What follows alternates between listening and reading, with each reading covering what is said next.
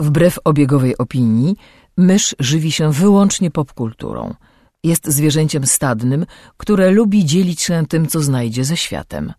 Jej naturalnym sposobem komunikacji jest przerywany śmiechem słowotok. Słuchacie podcastu Myszmasz.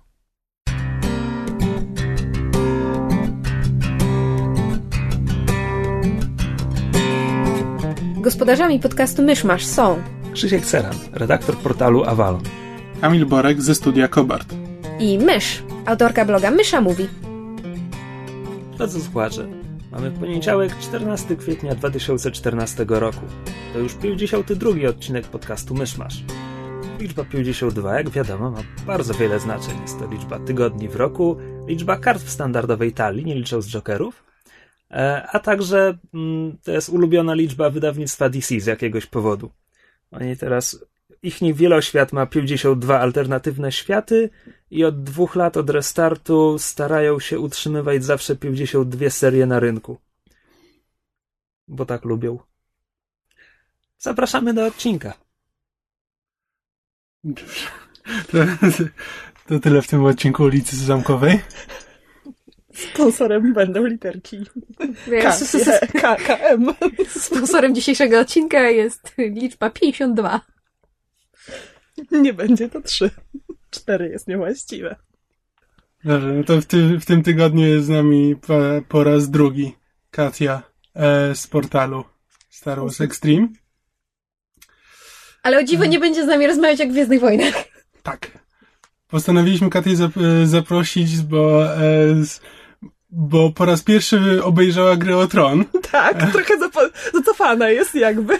Tak, więc uznaliśmy, że to może być ciekawa perspektywa do e, rozmowy na temat nowego sezonu i w ogóle Czyli całej tak, serii. e, rys historyczny. Kiedy zaczęłaś oglądać Grę o Tron? Dwa tygodnie temu? Jesteś już na bieżąco. Tak, Dobrze. Kiedy zaczęłaś czytać grę, na, grę o Tron? trzy dni temu? I jesteś w drugim tomie. Tak, w połowie. Ładnie. Dobra. Ładny rezultat. Szybko. No dobrze, Poszło. więc a jak ci się podoba? Podoba mi się na tyle, że zaczęłam to czytać, natomiast nie rozumiem tego fenomenu, bo jest to dobrze napisane fantazy, ale nie fantazy wybitne. Yy, Wszyscy się zachwycają mnogością wątków, mnogością postaci. Tylko doszliśmy do momentu, kiedy tych postaci i tych wątków jest za dużo. I owszem, każdy ma swojego ulubionego bohatera, każdy ma swój ulubiony wątek. Yy, I co? I lecimy, lecimy, lecimy. Może się człowiek kiedyś doczeka na tego swojego ulubionego bohatera i ulubiony wątek. E, A w międzyczasie mamy 10 tysięcy osób, których nie pamiętamy imion, nie pamiętamy co tu robią, zresztą i tak zginą na pewno po drodze. E, I właściwie dlaczego co drugi odcinek jest te 5 minut o moim ulubionym bohaterze na przykład, a w międzyczasie jest Jon Snow, który chodzi, smędzi i nie wie nic. E, Tytułem wtrącenia, jeśli już teraz jest dla ciebie za dużo postaci i wątków, to poczekaj tylko na czwarty i piąty tom. Już się boję? znaczy, już będę skakała jak w przypadku Władcy Tak, Pierścieni. nawet dla, e, dla Martina tych postaci było za dużo, bo tam, nie pamiętam, który to czwarty No tom właśnie, chyba ma tak. tylko połowę postaci zamknął w, w czwartym tomie, a drugą połowę dopiero w piątym, bo po prostu mu się nie mieściło. Tak, ale to, to nie jest tak, że to jest połowa istniejącego składu postaci, tylko dodał potem nowych, więc czwarty tom zaczyna szerzej pokazywać południe Ruth Martelów, którzy właśnie weszli do gry w serialu. E, I jeszcze trochę u Greyjoyów, którzy już są w grze w serialu. A w piątym tomie w piątym tomie na wschodzie u, Daenerys i Targaryenówny się dużo dzieje i tam jest kolejne mnóstwo postaci. Znaczy, tam ona jeszcze żyje. Cud jakiś. Szczerze mówiąc. Znaczy, umówmy się, to się tak mówi, że nigdy nie wiadomo kto zginie. No na wysokości czwartego sezonu serialu, piątego tomu książki już jednak widać mniej więcej Tendencje. tak, że jednak pewne postaci są głównymi postaciami i ich raczej być może, tak mi się wydaje, nic aż tak groźnego się nie wydarzy, ale kto wie.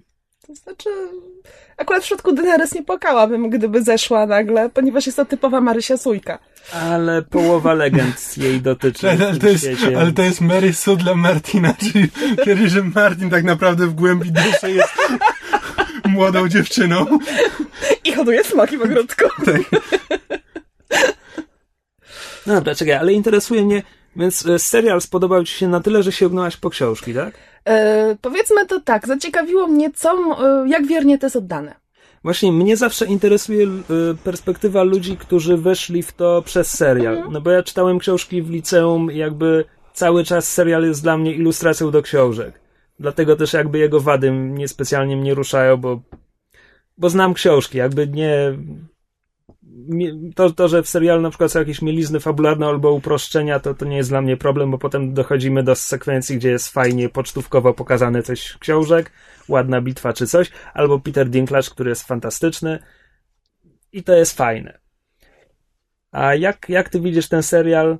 Nawet kompletnie nie odnosząc się do książek, po prostu serial jako serial. Serial jako serial jest to bardzo dobre fantazy. Bardzo ładne fantazy, naprawdę. Przyjemnie się ogląda, e, przyjemnie się przywiązuje do bohaterów, chociaż tego się nie powinno robić. I jak wiadomo, zginął nawet nieurodzony, prawda, syn Shona Bina. Spoiler! Spoiler.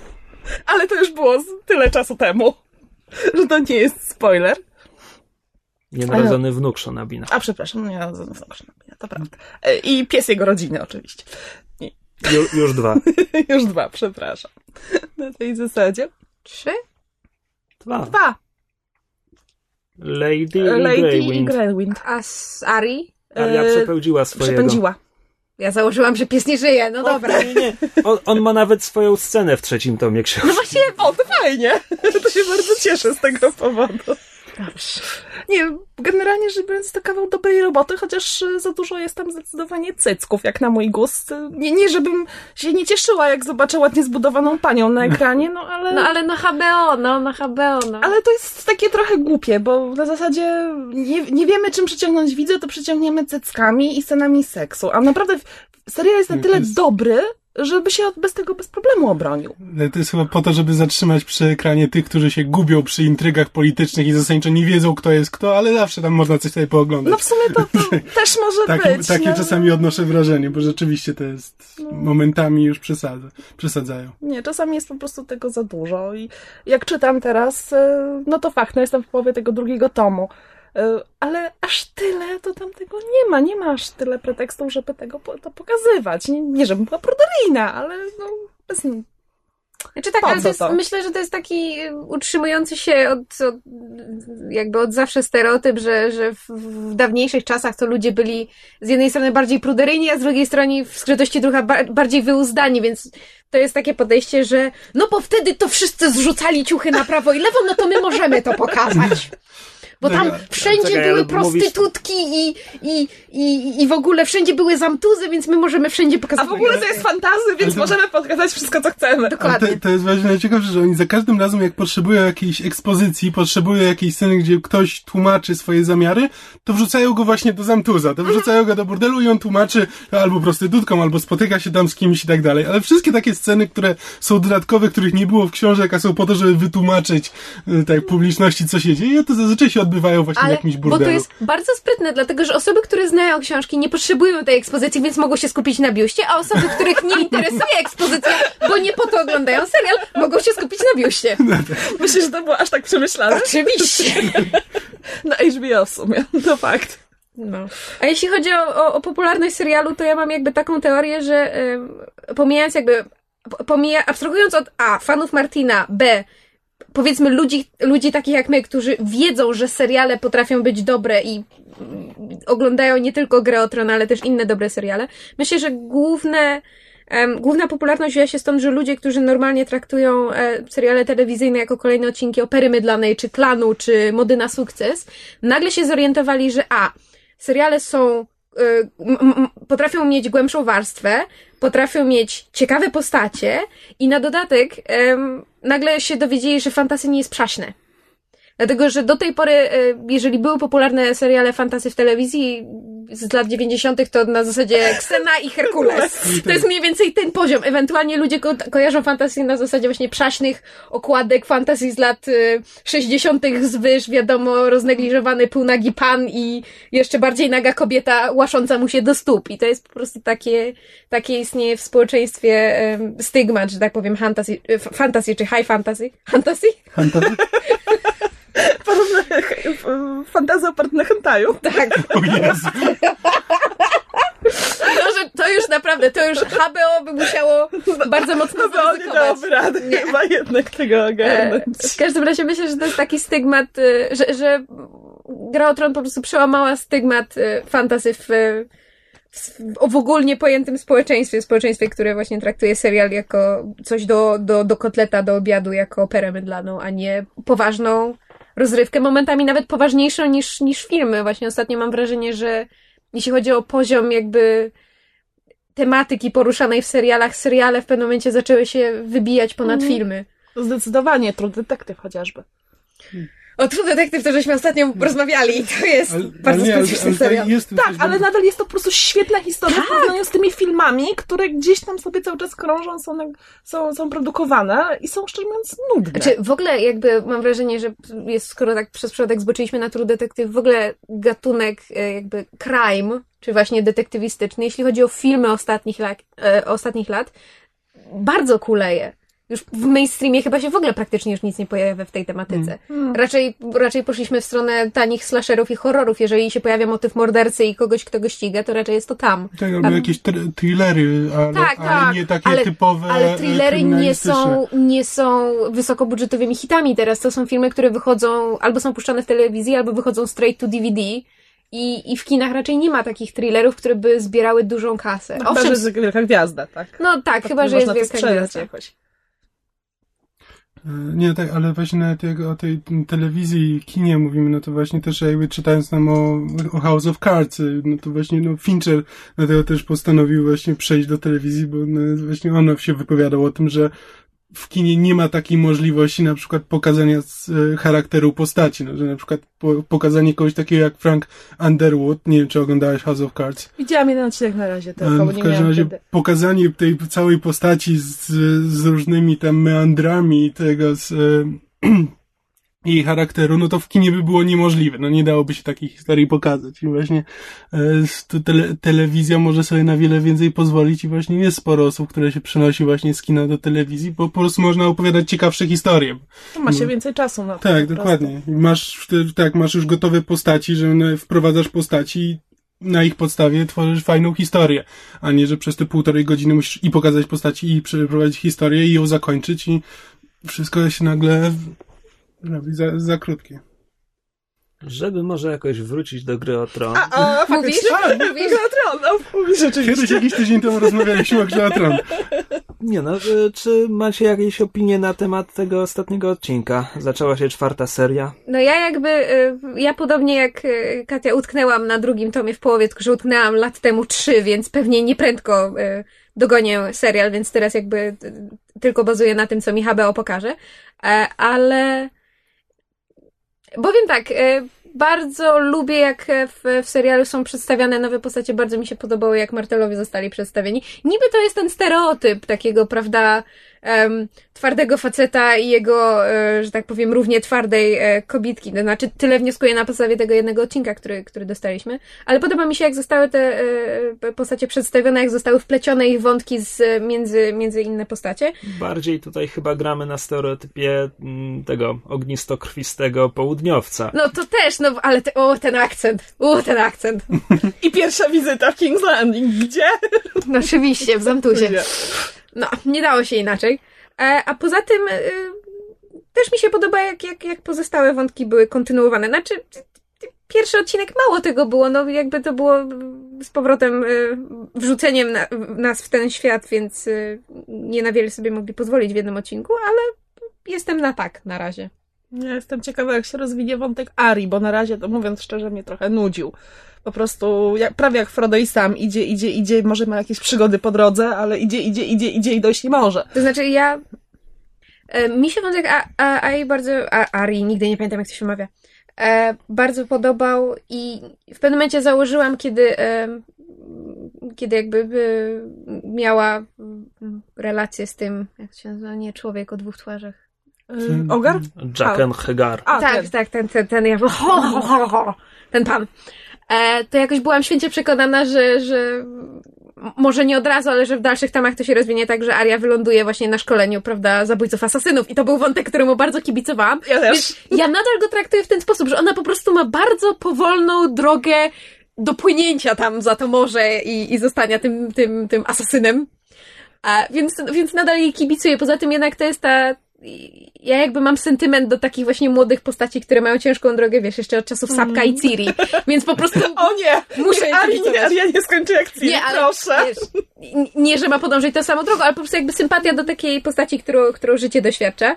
Em, nadal czekam, żeby z Sansy się zrobiła ta postać, o której wszyscy tak pochlebnie piszą, że ona wcale nie jest słaba i jest najsilniejszą Ale- postacią serialu. To Ja- tak znaczy, pisze.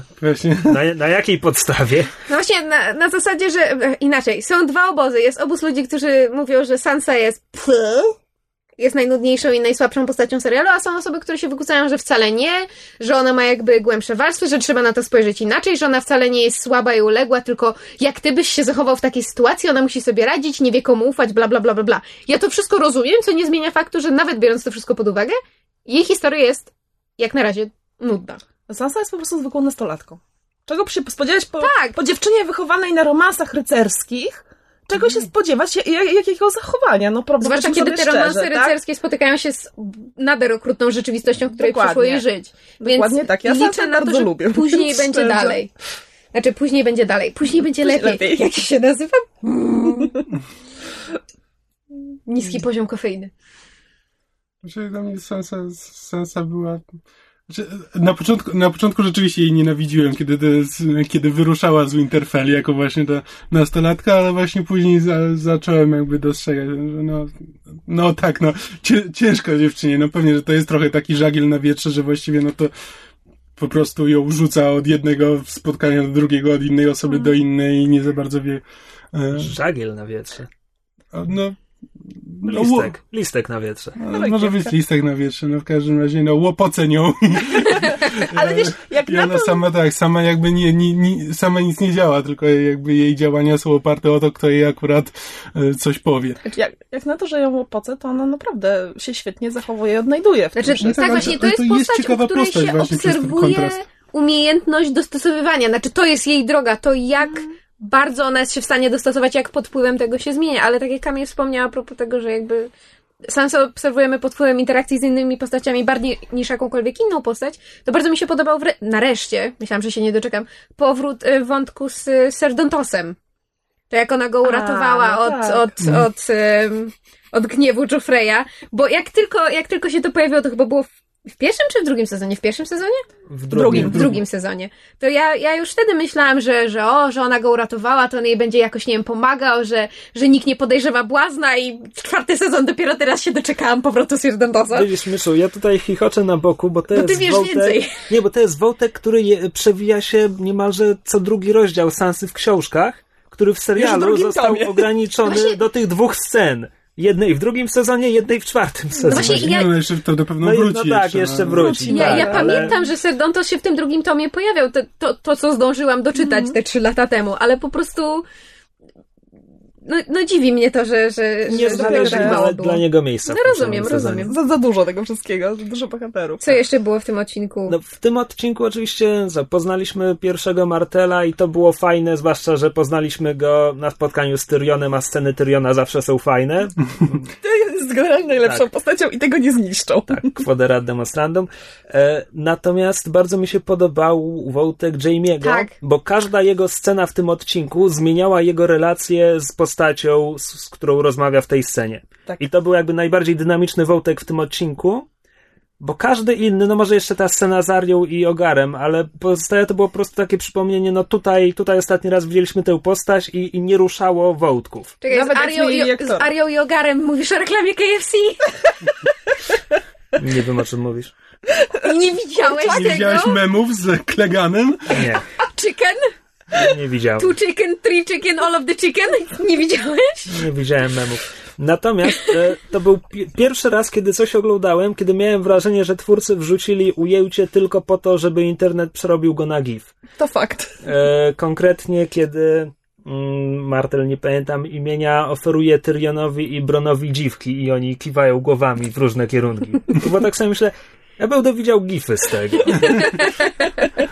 Tudzież e, też właśnie wracając do Ari i Ogara, e, jak oni tam patrzą w liściach, to też po prostu aż się prosi o screenshota i głupie podpisy i widziałam na Tumblerze się już zaczęły. Nie, to jeszcze, jeszcze jedna rzecz, którą widziałam, ale to, to, to musiało się zdarzyć, to a propos Jamie'ego. Oberyn Martel. Przepraszam, nie mogę sobie przypomnieć. Proszę bardzo. Gratulacje. E, w, w scenie między Jamiem a, a jak ona jest, Brienne? Brian. Brian. E, jak on jej mówi, że czy ty przypadkiem nie jesteś Lannisterem, to widziałam podpis na zasadzie hmm, komplement? Obelga? Czy kazirodztwo? Mnie trochę smuci, że Cersei, którą dotychczas całkiem lubiłam, e, zamienia się w głupią krowę po prostu. I to jest strasznie smutne. Może, może ja czułam do niej zbyt duży sentyment, a na razie jest taka, w tym momencie jest taka... E, Krzysiek się tutaj krzywi. Nie chcę cię zmartwić, ale będzie tylko gorzej. Oj. Naprawdę, No ale pra- Ona, ona głupieje.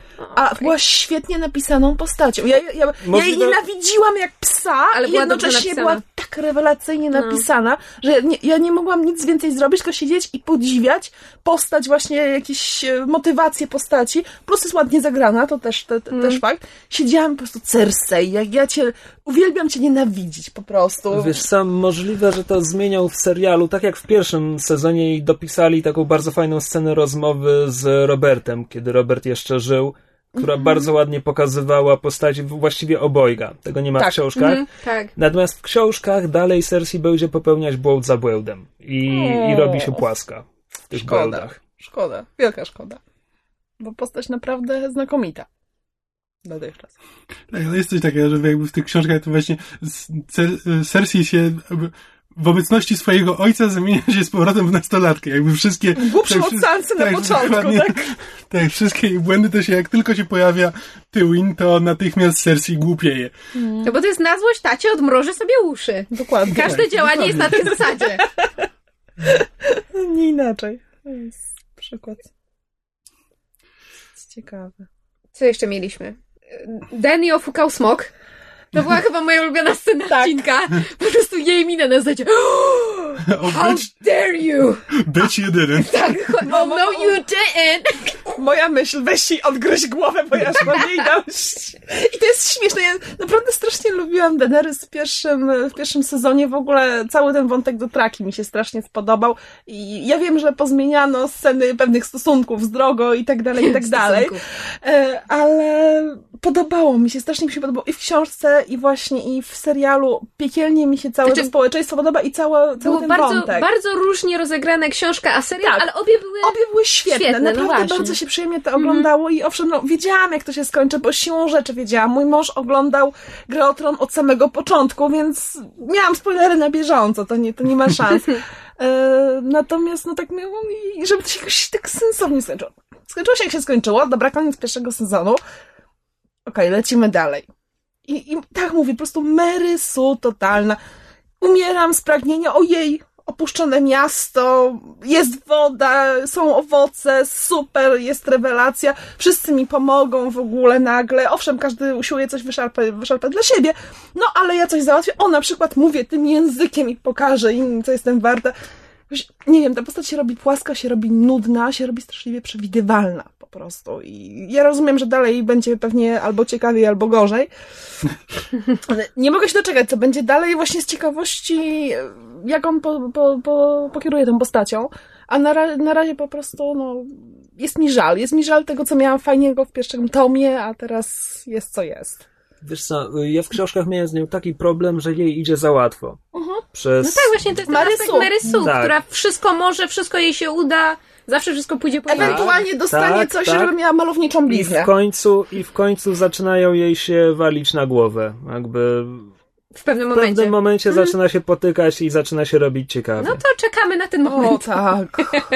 O tak. A strasznie mi się podobało, jak to w serialu, który ma sto kilkadziesiąt nazwanych postaci pewnie, wymieniają aktora z, zupełnie o tym, znaczy dobrze, że nie, nie próbują tego uzasadnić, bo to byłoby głupie, gdyby jakkolwiek próbowali to uzasadnić, ale z drugiej strony nie wiem, czy oni teraz liczą, że ludzie jeszcze będą kojarzyć, że ten Dario to jest ten sam facet z poprzedniego sezonu. Myślę, że trzy czwarte ludzi nie skojarzy. Znaczy- Myślę tak. Znaczy, Ja... ja, e, mi chwilę zajęło. Ja, Ja- ja wiem, kim jest Dario. Ja czytałem te Tak. książki do tego momentu. Ja wiem dokładnie, kim jest Dario, ale po prostu te, miałem taki dysonans poznawczy, widząc tę postać, że e, chwilę To mi jest zajęło zupełnie inny typ, dojście typ, do tego. czy- typ mężczyzny Tak. po prostu. Tak, i żeby było śmieszniej, mnie się ten poprzedni aktor Mnie bardziej... też. Znaczy, to nie jest to, że on mi się fizycznie bardziej podobał, bo był przystojniejszy. Ten jest przystojniejszy, ale, Ale tamten był pasował. bardziej interesujący, pasował. Pasował, pasował na najemnika, pasował mi na takiego potro, trochę najemnika łamane na barbarzyńca z takich trochę hoła- howardowskich klimatów. I to mi tak strasznie pasowało właśnie do, te, do tego świata, tam do Traki, Daenerys, ten wschód tam, czy zachód, nie orientuję się szczerze Wschód, mówiąc, wschód. Po prostu w geografii Westeros aż tak jeszcze jestem, nie, nie jestem w to wciągnięta i chyba aż tak się nie Westeros. wciągnę. A no to przepraszam. Ja. Świata. Świata, przepraszam. Po prawej, po prawej. Po prawej, po prawej, dokładnie. E, I pasował mi. A teraz jest to taki zwykły facet, który wygląda jak każdy z tych... e, Równie dobrze mógłby grać Robina z Sherwood. Tak, no to jest dokładnie. ten taki bardzo europejski typ urody, a tamten facet miał coś w sobie. No Miał miał... coś w sobie, miał, miał złamany nos na oko i, i wyglądało to ciekawie. A teraz po prostu jest taki, no pasuje do niej typem urody może. A taki trochę Lovela, zwłaszcza że zagra, zagrania jego w tym odcinku też były takie, Boże. Naprawdę, kobieto, naprawdę na to lecisz. Dała się skusić na kwiatka. Tak. Twój opiekun trzy razy uratował ci życie, on dał ci trzy kwiatki, na kogo polecisz, tak? No dobra, to zgaduję, że po raz 15 w tym podcaście dochodzimy do wniosku, że lubimy grę o tron i będziemy oglądać A dalej. jeszcze nie mówimy dwa słowa o Jon Snow, czy Jon Snow nie wie nic? Jon Snow nigdy nic nie Ej, nie no, sorry, w tym odcinku pokazał, że całkiem dużo wie. Tylko, że nikt mu nie wierzy. Nie, dobra, je, jeden, jeden mu wierzy. Znaczy, Master, jak mu Meister. tak Ta, Meister. ta scena była dla mnie ciekawa, bo odbiega od wersji książkowej, ale O, poza tym fajnie. mnie nie interesowała. Aha, rozumiem. Czy mnie w ogóle wątek Johna Snowa tak strasznie nie interesuje, jest tak nudny. Znaczy, ja lubię patrzeć na Kita Harringtona, ale dobrym aktorem to on ci nie jest, więc y, jakby cała postać Johna Snow po pierwszych odcinkach pierwszego sezonu jakby straciła dla mnie em, większość uroku. Ja, też tak jak mam, że sama postać Johna Snowa nie jest szczególnie interesująca, ale, e, ale interesowało mnie to, co się działo tam za, tam za murem i jakby te mm, relacje tych wildingów e, fajnie mi się oglądało, a Jon Snow był tylko pretekstem, żeby właśnie oglądać, jak wygląda życie tych wildingów i ich e, światopogląd. I tylko dlatego te wątki były dla mnie interesujące, ale rzeczywiście Jon Snow jakby... mm, Jon Snow to jest takie emo po prostu. Chodzi, Tak, ma wiecznie no. smętną minę, nikt go nie kocha, nikt go nie rozumie. No jak go pokocha, to potem zrobi mu kuku w plecy. E, I tak jest, no, Boże, kochany Znaczy, człowieku, ogarnij Dla się. mnie, dla mnie to jest. Jon Snow jest takim trochę męskim Marysu, czyli tym garystu. Znaczy, to, to nie jest to, że jemu się wszystko udaje, ale to jest ten bohater, który, wiesz, wszystkiego doświadcza, on przez wszystko musi przejść i wychodzi obronną ręką, właśnie z pięknymi bliznami i ludzie go nie słuchają, ale on i tak wie lepiej i on dowiedzie swoich racji i ostatecznie wyjdzie na jego. Jakoś tak patrzę na niego, jest takie. Już raz to widziałam, dziękuję, postoję. Tutaj jakby, poza tym z Jonem Snowem mam taki sam problem jak jakby z Sansą, że właśnie, że jego po prostu rzuca w kolejne miejsca. On jakby nie ma nic do powiedzenia, tylko po prostu akurat znajduje się w takich sytuacjach, bo tak wyszło. I jakby on nie podejmuje tam żadnych decyzji, żadnych działań, tylko tak po prostu sobie lata. Tylko, że o ile u Sansy to jest jakby dobrze uargumentowane, bo Sansa nie ma możliwości, żeby cokolwiek, jakkolwiek manewrować, no to Jon Snow jednak ma więcej trochę wolności i mógłby coś, e, coś spróbować więcej zrobić, niż po prostu tam sobie siedzieć i patrzeć, co się dalej stanie. Ja liczyłam na to, że w książce jakoś będę na niego inaczej patrzeć właśnie, bo w pierwszym tomie czytało mi się ten jego wątek całkiem sympatycznie, bo tam było dużo rzeczy, których e, serial nie pokazał, e, może ewentualnie zasugerował, tak, coś. No to i to mi się czytało bardzo dobrze, bo mi wiele rzeczy rozjaśniło, dlaczego, ale o co chodzi i dlaczego nie tak, a nie inaczej. A w drugim zaczyna być znowu po prostu idzie, idzie, idzie i ma wiecznie znudzoną minę po prostu i szuka swojego ghosta, tak. Ghost, chodź tu, bo polujesz po nocach. No i tyle. Trochę tak. Więc podsumowując, tak, Gra o Tron nadal nam się podoba, każdy ma swoje anse, oglądamy dalej. I czytamy dalej. Czytamy dalej. Karawana jedzie dalej. Zdecydowanie. Gry komputerowe? No, no to ty, no, ty zasadniczo możesz opowiedzieć, bo... No dobra, ale to... Hit us with your best shot. Nie no, zacznijmy od tego, w co obaj graliśmy. Deus Ex Default. No Już obaj graliśmy, ja dosłownie zacząłem, przeszedłem epilog i zacząłem pierwszą misję, więc ja nie bardzo Zacząłeś od się... epilogu? E, Tfu, prolog i tak, i pierwszą misję. Nicely done. Coś. Dobra. E, Deus Jak, Ex... jak kryminały zaczynam od, od ostatniej strony. Zabił kamerdynę. E, Default jest umieszczony w tym samym świecie, co oryginalny Deus Ex i Deus Ex Human Revolution gra sprzed, ile to już będzie, trzech lat, którą strasznie lubimy. Jezu, aż tyle? Mam wrażenie, że już aż tyle. E, natomiast Default był oryginalnie grą na urządzenia Tablety. przenośne, nie wiem, na tablety nawet. No, za, zasadniczo na tablety, bo na komórce byś w to nie, Nie, no, pograł. myśl, by myślałem było. może o jakichś tych handheldach, konsolach, ale no dobra, był na nie, tablety. Na tablety. E, opowiada historię, która dzieje się, nie wiem, przed albo obok tej z Human Revolution. A, Chyba obok. chyba obok. I szczerze mówiąc, e, ta gra zraziła mnie do siebie od pierwszych.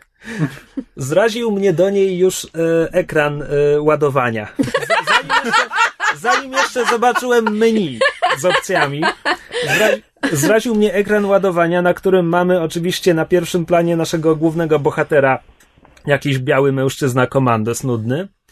E, I główną bohaterkę drugoplanową w pozie zwanej Tits and Ass. To znaczy tyłem do widza, ale tak obrócona, żeby widz mógł widzieć i jej pupę, i jej piersi. I już sobie pomyślałem, ojej. A, a potem gra się zaczyna i, i niestety nie było lepiej. Znaczy, e, w tutorialu, tutorial jest strasznie ograniczony. E, No i wiadomo, tutorial macie tylko nauczyć, jak się gra, ale jakby Deus Exy są znane z rozbudowanego świata, po którym się poruszasz, jak chcesz, znajdujesz swoją drogę. Tutaj nie dość, że tego nie ma w tutorialu, to nie do końca jest to potem w głównej grze. E, potem bohater przeżywa wydarzenie, ponieważ tak jak, tak jak w Deus Exie nasz bohater jest mocno scyborgizowany i tutaj jest drobny element RPGowy, to znaczy dostajesz punkty doświadczenia, awansujesz na kolejne poziomy i wtedy dostajesz punkty, za które możesz odblokowywać kolejne wszczepy. W obu grach to jest tak uzasadnione, że on te wszczepy już ma w sobie, ale jakby jego mózg jeszcze się nie skalibrował do nich. W Deus Exie to miało sens, bo nasz bohater dopiero co został cyborgizowany. Tu ma to trochę mniej sensu, bo on jest cyborgiem od nie wiadomo jak dawna, ale na początku gry wypada z samolotu i ten upadek go trochę uszkadza i dlatego musi się znowu przyzwyczaić do swoich wszczepów. I tutaj jest strasznie przegapiona okazja od twórców, bo skoro to i tak się dzieje, to przynajmniej w tutorialu mogli nam dać tych wszczepów więcej, żeby gracz mógł poczuć tę moc, którą te wszczepy dają, podczas gdy masz, nie wiem, tam jeden wszczep na krzyż, żeby w odpowiednim momencie, jak ci tutorial powie, teraz wykup to ulepszenie i wykorzystaj je do, nie wiem, przebicia się przez ścianę czy powalenia strażnika. Nie pamiętam już o co chodziło. W każdym razie taka przegapiona okazja. A fabularnie to to nie powala. Nasz bohater jest częścią oddziału, który e, zaatakował siedzibę, znaczy firmę, w, dla której pracuje główny bohater Human Revolution w tamtej grze. E, tylko, że z tego oddziału ucieka, dlatego zakładamy, że default dzieje się przed wydarzeniami z Human Revolution. Ale zaraz potem jeszcze w ramach prologu widzę jakiegoś maila, który pisze właśnie o wydarzeniach z początku Human Revolution, więc pogubiłem się już kompletnie w tym momencie. No jakiś tam intraquel. Tak, no i on ucieka przed tymi ludźmi i musi się przed nimi chować i chowa się z jakąś kobietą, ta główna bohaterka drugaplanowa, która nie mam pojęcia kim jest, ani jaka, jaka jest jej relacja z głównym bohaterem, bo ta gra mi tego nie wyjaśnia nigdzie, nigdy. No. Ale E, wiesz, że ma cycki i... tak, Jest to pływowa. Dokładnie. tak. Pomaga im jakiś tajemniczy haker i problem dnia jest taki, że e, znakomita część cyborgów cierpi na to, że jakiś tam syndrom odrzucenia wszczepu, na który muszą brać stały lek. Jest tylko jeden produ- producent tego leku. Deus Exy zawsze mówiły o totalitarnej władzy korporacji i tym, jak ten kreucą, s- no, owijają sobie społeczeństwo dookoła palca. I pojawia się teraz jakaś nowa firma, która oferuje niesprawdzony jeszcze lek, który po- podobno działa tak samo. No i nasz bohater zaczyna się tym trochę interesować. Oryginalnie tylko po to, żeby, żeby mieć ten dostawy leku dla siebie i dla tej swojej przyjaciółki, która nie wiem kim jest. E, a potem zaczyna odkrywać jakąś grubszą aferę w Panamie. A potem gra się kończy, ponieważ e, nie miałem o tym pojęcia siadając do niej, to jest gra epizodyczna. Problem polega na tym, że nic nie słyszałem o tym, żeby powstawał drugi epizod. Ja w ogóle też, też nie wiedziałem, że to jest gra epizodyczna, dopiero ty mi powiedziałeś, Tak, jak więc- przyszedłeś, więc... No e, więc w momencie, kiedy mniej więcej po 4 godzinach gry zobaczyłem napisy końcowe, byłem zaskoczony. No tak. Godziny. Au.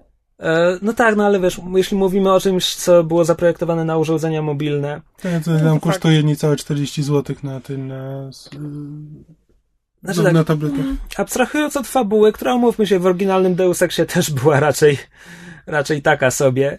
Inne wady default to mm, voice acting, co może być nawiązaniem do tradycji, bo w pierwszym Deus Exie aktorzy byli koszmarni i on słynie trochę z tego. Na YouTubie są kompilacje najgorszych kwestii z pierwszego Deus Exa. E, Jest dość mała. W Panamie gracz ma trochę swobody, więc tam jakby ponieważ już spodziewałem się najgorszego po, po tutorialu, to potem jak gra się trochę otworzyła, to byłem w sumie zadowolony, biorąc pod uwagę, że to gra konwersja z urządzeń przenośnych i tak dalej, ale e, główny bohater nie potrafi skakać. I przez to czułem się jakby po prostu ktoś mi skrzydła odjął, bo w Deus Exach w Deus Exach zawsze poruszałeś się w trzech poziomach. Mogłeś sobie kupić wszczepy nóg, skakać jak żaba, kupić wszczepy rogue, które pozwalają ci przenosić ciężkie skrzynie, układać je w sterty, korzystać z tych stert, żeby wskoczyć gdzieś oknem, znaleźć jakiś sekret czy coś. Więc jeśli mam grę, która teoretycznie jest Deus Exem, gdzie w ogóle nie ma takiej opcji poruszania się w pionie, no to czułem się, wiesz, przykuty do ziemi. E, I tym byłem bardzo zdziwiony i rozczarowany. Również sama walka jakoś nie była tak satysfakcjonująca jak, jak w Human Revolution. No i to jest trochę problem tej gry. Oni robią grę na tablety, więc wiadomo, że mają mniejsze możliwości, ograniczenia sprzętowe, ograniczenia pamięciowe, no mają mnóstwo ograniczeń. I stworzyli taką tabletową namiastkę Human Revolution, o której no jakby chyba z założenia wiadomo było, że nie będzie mogła się równać z oryginałem. Zamiast zrobić coś innego Zamiast obok. zrobić coś innego, coś obok, pójść bardziej w stronę właśnie pierwszego Deus Exa, który przecież obecnie chodziłby chyba na kalkulatorach. Ja się trochę nie znam na sprzęcie, ale no, zamiast pójść w stronę oryginału, starali się zrobić, wiesz, przenośną wersję Human Revolution i wyszło to tak sobie. I to tyle. Tak, to chyba tyle o o grach komputerowych. Moving on. A nie, ty coś jeszcze Ja masz. mam jeszcze drugie, tak. Oj. E, ostatnie trzy dni spędziłem zagrywając się w Chaos Reborn. Chaos Reborn to jest, jak sama nazwa wskazuje, nadchodzący remake gry Chaos. E, Czyli albo chaos, albo chaos. Właśnie, sorry, ale chaos to jest jakiś bardzo dziwny twór. kształcenie społeczne, nie miałeś takiego przedmiotu? Nie, miałam wiedzę o społeczeństwie. No dobrze, więc będę mówił Chaos. E, mówię po polsku, bo myślę po polsku czasami.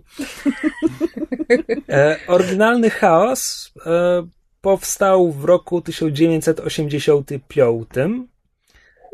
Tak, prawda? E, zrobił go Julian Golob, który jest również twórcą X-Koma. I z tych dwóch gier to X-Kom jest jakoś bardziej znany obecnie. I tenże sam Julian Golob teraz robi remake tej gry i wciąż zbiera na to fundusze. Ta gra jeszcze się nie ukazała, on prowadzi kampanię na Kickstarterze, chyba zależy mu na 180 tysiącach dolarów, a ma na razie 150, jeśli dobrze pamiętam. I żeby zachęcić ludzi, rozreklamować grę jeszcze bardziej, wrzucił do sieci jej prototyp. Prototyp to jest wersja, czekaj, jak zaczynałem w to grać dwa dni temu, to była wersja 0,11, teraz jest już 0,13, cokolwiek to znaczy. E, I ten prototyp to jest tylko multiplayer, gdzie można przez sieć grać e, pojedynki od dwóch do czterech magów. Jest jeszcze opcja dwóch na dwóch zespołowa. Każdy gracz ma swojego maga i startuje z 15 czarami. Jeden z nich to jest zawsze niewiara, a pozostałych 14 jest losowane z listy, nie wiem, w tym prototo... prototo... prototyp. W tym prototypie jest dwadzieścia kilka tych czarów. Próbowałem je wszystkie policzyć, ale coś koło tego. I te czary są takie. Jest wachlarz różnych stworów, które można przyzywać do walki i potem każdy stwór ma jakieś tam swoje cechy. Większość z nich ma jeszcze jakieś umiejętności specjalne, jak w Heroes of Might and Magic, żeby daleko nie szukać. Jest sporo czarów, które są bezpośrednimi atakami magicznymi. Na razie one wszystkie są takie dość podobne do siebie, jakby nie licząc tych, że niektóre są bardzo ograniczone zasiłgowo, a niektóre można rzucić na całą planszę, to nie bardzo się między sobą różnią, więc zakładam, że to będzie jeszcze dopracowywane. Do tego można rzucać czar, który daje naszemu czarodziejowi magiczny miecz zwiększającego atak, magiczną tarczę zwiększającego obronę i to właściwie wszystko. Jeszcze niektóre stworzenia to są wierzchowce, więc można potem naszego czarodzieja posadzić na wierzchowcu. E, I teraz tak, w tej grze nie ma, nie ma hapeków. Te wszystkie stwory i magowie nie mają punktów e, zdrowia. Jedno celne trafienie zdejmuje stwora lub maga z planszy. W momencie, jeśli mag zostanie zdjęty z planszy, to wszystkie czary, które rzucił, które są jeszcze na planszy, też znikają, więc to jest taki one hit, one kill. E, dlatego to bardzo mi przypomina jakąś grę planszową, nawet szachy. Tyle tylko, że wszystkie te stwory i czarodzieje mają swoje statystyki: atak, obronę, zręczność, e, odporność na magię. E, w związku z czym ta szansa celnego trafienia jest zawsze różna, zależnie od tej siły ataku, obrony, czego tam jeszcze. Więc nigdy nie można być niczego pewnym.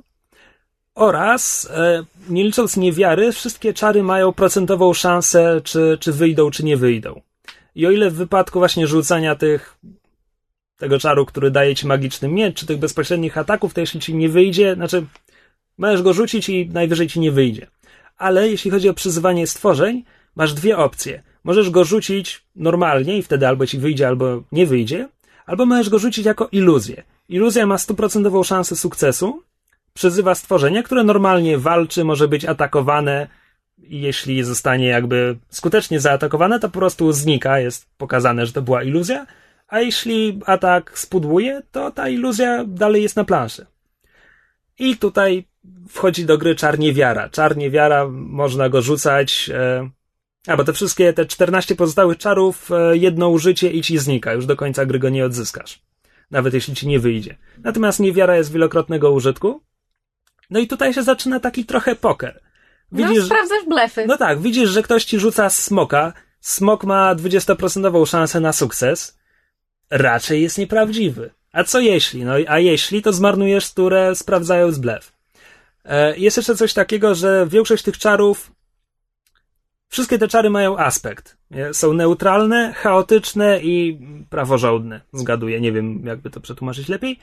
E, I neutralne nic się z nimi nie dzieje. Natomiast im więcej się rzuca czarów chaotycznych lub praworządnych, tym bardziej równowaga na planszy idzie w tę stronę, więc jeśli lecą głównie czary chaotyczne, to czary chaotyczne, ich rzucenie staje się coraz bardziej prawdopodobne.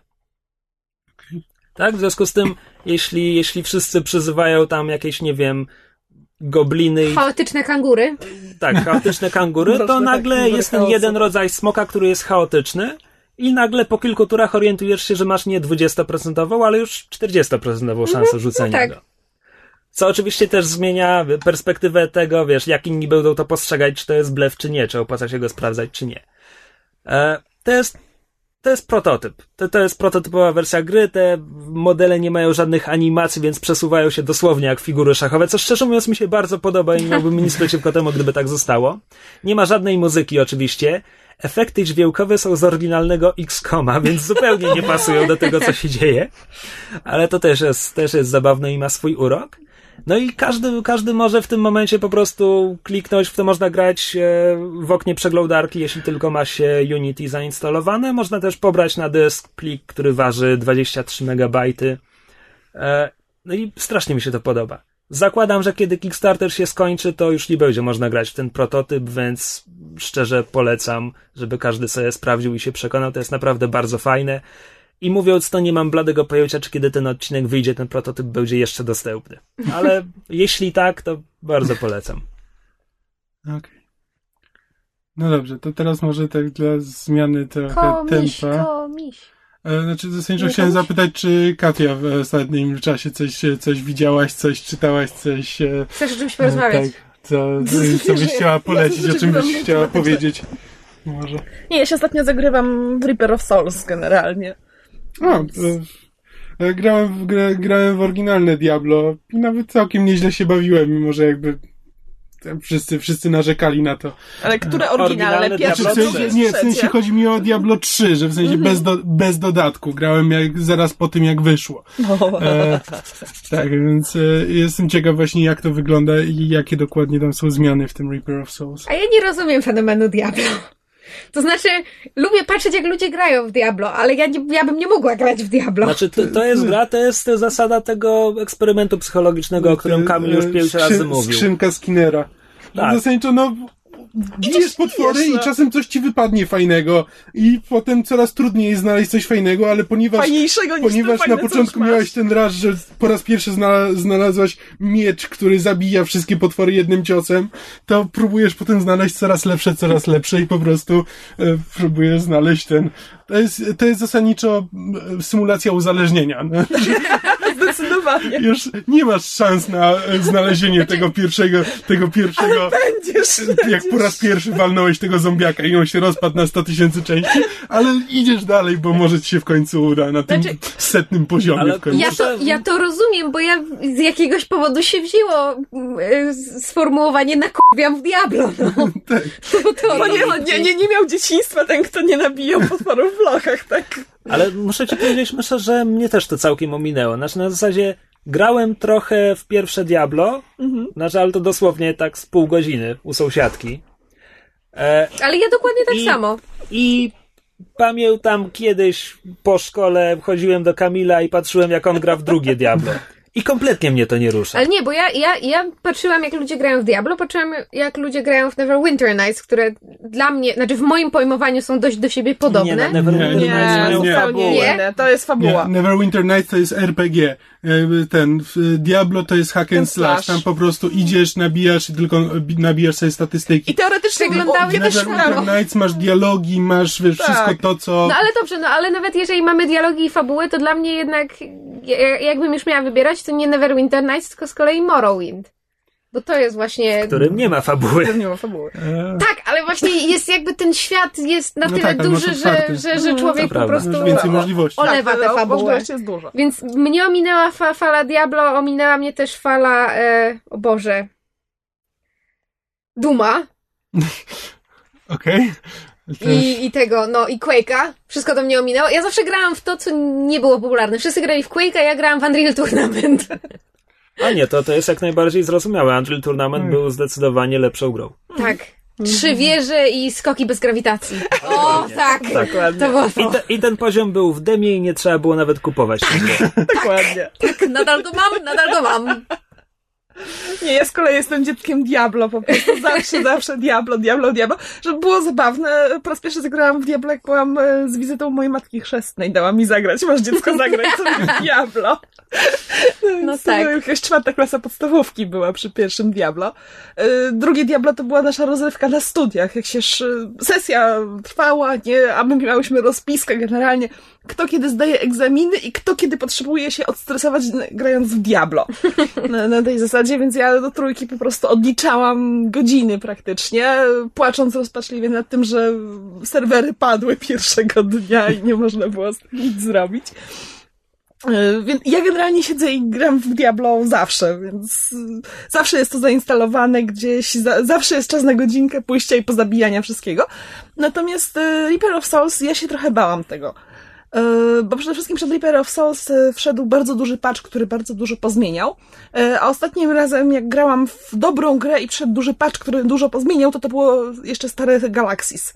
E, I jak tam już pozmieniali, to ja już potem nie zagrałam w Galaxis ani razu, więc tu się strasznie bałam. A pozmieniali bardzo sensownie, e, bo wreszcie wypadają przedmioty, które są przydatne postaci, a nie, że znajdujesz 10 tysięcy przedmiotów, e, które są przydatne, ale twojej innej postaci, więc właściwie możesz zbierać, a możesz nie zbierać. Więc przede wszystkim to pozmieniali. E, Pozmieniali poziomy trudności. Rzeczywiście teraz te poziomy trudności mają ręce i nogi. E, I rzeczywiście masz wyzwanie w pewnym momencie, idąc tym swoim najbardziej wypasionym bohaterem, nie na najwyższym poziomie trudności, tylko nawet na średnim. No, to, Jeżeli to nie miłe. masz, tak, jeżeli nie masz zbudowanego, nie zbudowanej postaci, tak- takiego konkretnego builda pod to, że idziesz i po prostu mordujesz wszystko, tylko próbujesz różne ścieżki, e, to rzeczywiście masz problem. Czasami masz duży problem, bo cię zabijają non-stop. E, Zmieniono dostępność przedmiotów także i to, to jest piękna sprawa, ponieważ zaczęły wypadać, tak jak mówię, po pierwsze bardziej sensowne, a po drugie zaczęły wypadać też złote i legendarne bardzo często. Znaczy może nie bardzo często, ale rzeczywiście częściej. częściej zdecydowanie. Natomiast sam dodatek Dobra, wprowadził nową klasę postaci. Crusader to mniej więcej wygląda jak stary paladyn z dwójki. E, Jeszcze nim nie przeszłam, bo chwilowo bawię się w czym innym dodatku. E, Wprowadził ten nowy akt, gdzie tam zabijamy anioła śmierci. E, oczywiście. Nowa, e, no, nowe generalnie plansze, nowe potwory. Szczerze mówiąc, trochę nudne i jak tak się przebijam przez niektóre lochy, to, to jest tak, Boże, czy one się już mogą skończyć? No, porównywalne do fetyszy po prostu w, w Diablo dwójce. E, można zabić Adrię wreszcie. A sam finał jest tak nudny, że po prostu tak, no dobra, zabijecie, zabijecie. No zabijecie w końcu i jest sztucznie przedłużany, no ale trudno. Natomiast najpiękniejsza rzecz, dla mnie przynajmniej, ja się teraz w tym zagrywam, w to zagrywam, e, jest e, odpalony tryb wyzwań e, i tam, nie pamiętam jak to jest przetłumaczone na polski, bo gram w wersji angielskiej, Bounties and Adventures, generalnie coś takiego. I tam jest fajna sprawa. Otóż ma się wyznaczone jakieś pięć zadań na każdy, w każdym z aktów. Y, Człowiek się tam gdzieś teleportuje, ma, dowiaduje się, że w, na tej planszy masz zabić na przykład 100 przeciwników plus tego jednego bossa. Y, Na drugim waypoincie na tej planszy masz zabić tego i tego bossa albo zrobić tego i tego questa. Robisz te pięć zadań, y, wracasz do miasta, dostajesz skrzyneczkę z jakimiś fajnymi przedmiotami, czyli przedmioty są w większości naprawdę fajne, albo powiedzmy mniej kiepskie niż kiedyś by się dostało przed, przed patchem, przed, przed dodatkiem. I naprawdę to się gra całkiem, tym się gra całkiem sympatycznie. Generalnie możesz właśnie sobie pójść, pozabijać i dostać fajne przedmioty. Taki łowca głów, Tak, nie? dokładnie. Plus jeszcze jedna rzecz całkiem sympatyczna. yy, Dostajesz jakieś tam krwawe odłamki, które mają być twoją walutą. Oczywiście to jest coś w stylu starego gamblingu z dwójki, bo w, w trójce tego nie było. Natomiast w dwójce był ten taki fajny gambling, się szło i strzelało, że może, może się uda jakąś fajną zbroję wyhazardować. Natomiast tutaj też jest coś takiego, że nie wiesz, jakaś broń. Nie masz pojęcia jaka. No, waluta troszeczkę inna, bo już nie za złoto, tylko za te właśnie odłamki, które zdobywasz sobie powoli. Ym, I czasami się l- losuje coś naprawdę fajnego. Są ludzie, którzy losują legendę, ja ostatnio cały czas losuję niebieskie przedmioty, więc te kichy. Yy, ale też, też, też jest sympatyczne, no i są jakieś... Wczoraj na Facebooku widziałam, jak to przetłumaczono na polski i ja, ja, ja, jestem, ja jestem bardzo złą dziewczynką, mam wredne skojarzenia, szczelina defilimów. Możesz sobie wyjść do szczeliny defilimów, pomordować, generalnie rzecz biorąc jakieś e, stwory, potwory, wyskakuje ci główny boss, którego tam tłuczesz, też wypadają ci fajniejsze przedmioty, także dla mnie mm, miód, co ryba kit po prostu, jak to kiedyś ktoś gadał. Naprawdę gra się świetnie i cieszę się, że zmienili ten, że, że ten patch wyszedł, że wyszedł dodatek, bo naprawdę ma to wszystko ręce i nogi i jest zrobione fajnie. Plus, jak ktoś się bawił w, u jubilerów, u Kowala i tak dalej w tworzenie tych rzeczy, jest dużo nowych y, przedmiotów, można sobie te plany z, bossów, wytł, z bossów wytłuc, bo wypadają przykład plany do super pięknych rękawic bojowych. Y, To, czy jesteś w stanie je potem złożyć, bo jest dużo nowych generalnie przedmiotów do kraftowania. To jest inna para kaloszy. Y, Ale jest ciekawie. Jest ciekawie, naprawdę zrobili kawał dobrej roboty i o, moje Diablo, mój Blizzard, moje Diablo, mój Blizzard. Właśnie tak słyszałem, że wreszcie im się udało, że udobruchać tych hardkorowych fanów serii. Oj tak, zdecydowanie. Zdecydowanie jestem w niebo wzięta. Czy w dalszym ciągu trzeba być ciągle podłączonym do internetu, żeby w Niestety to grać? tak. Niestety tak i to jest duża wada dla mnie. Maxis się z tego wycofał przy SimCity ostatnim. To myślałem, że może to się rozszerzy. No właśnie tylko, że nie. jakby przy SimCity to jakby nie było żadnego powodu, żeby grać w sieci. Jakby w Diablo 3 powodów, żeby z, grać w sieci jest prawdopodobnie więcej i więcej osób to robi, bo No. lubi grać ze znajomymi.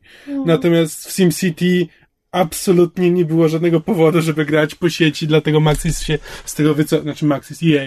Znaczy, wiesz co, no ja po prostu mieszkam w czarnej dziurze, gdzie internet jest albo Mm. go nie ma i dlatego... Wiaderkiem No, donoszą. Krzysztofie, my mieszkamy praktycznie w centrum Warszawy, też nie mamy stałego internetu, więc do kogo ta mowa? Nie, więc po prostu sytuacja, w której gra, która w trybie dla pojedynczego gracza wymaga ciągłego Tak. połączenia z internetem, E, No Przesada. tak, tak. Dla mnie to jest też bardzo ja duży ją z ból. gruntu skreślam Bo po prostu. Dla mnie też jest to bardzo duży ból, bo owszem, ja jestem graczem nałogowcem, jak chodzi o Diablo, natomiast ja nie znoszę grać z innymi ludźmi. Ja sobie Tak, idę ja sama, też. ja nie znoszę. Jak mi się ktoś usiłuje dołączyć ze znajomych, to jest weź idź sobie, idź, idź, idź. Ja nie chcę, nie bawi mnie to po prostu. Ja I muszę mówisz, iść że grałaś sama. w Galaxis? E, tak. Aha. Ale wtedy to, ale to jest inna zasada, bo po prostu ja się w Diablo 1 przyzwyczaiłam, że sobie idę sama przez lochy i tak dalej. Potem przy dwójce też nie miałam internetu, też nie, nie grałam na Battle.necie i zawsze szłam sama i po prostu mnie to nie bawi w przypadku Diablo, że idę z kimś. Naprawdę zupełnie nie sprawia mi to przyjemności, wręcz przeciwnie, denerwuje mnie, bo ja na przykład mam taki system, że zwiedzam całość mapy, po prostu całość mapy, wszystko, w każdy kątek muszę za- zajrzeć, a większość ludzi po prostu idzie, żeby zabić jak najwięcej potworów i idzie sobie dalej po prostu w, w historię, w, w, scenariusz. Natomiast ja lubię łazić wszędzie. W Galaxisach za, za, z założenia musiałam być z moją gildią, żeby, żeby, żeby cokolwiek osiągnąć. Mhm. Tak naprawdę, no co, pójdziesz na Enka Necrosis samemu, no to z, zabiją cię w, jeszcze w, wśród pająków tam. No, Z- Zgaduję, że to coś, szykła. czego się nie robi. no nie, zdecydowanie się tego nie robi. W Galaxis nie gram. Ale ja, te, ja też tak mam, że w, nawet w MMO gram samemu i nawet pamiętam, że jak w Guild Warsy tam grałem przez dłuższy czas, grałem samemu, po czym nagle tam z zupełnym przypadkiem tam spotkałem kogoś, tam w, yy, zaczęliśmy gadać i tam do jakiejś gildii się nawet zapisałem na moment i od tego momentu przestałem grać.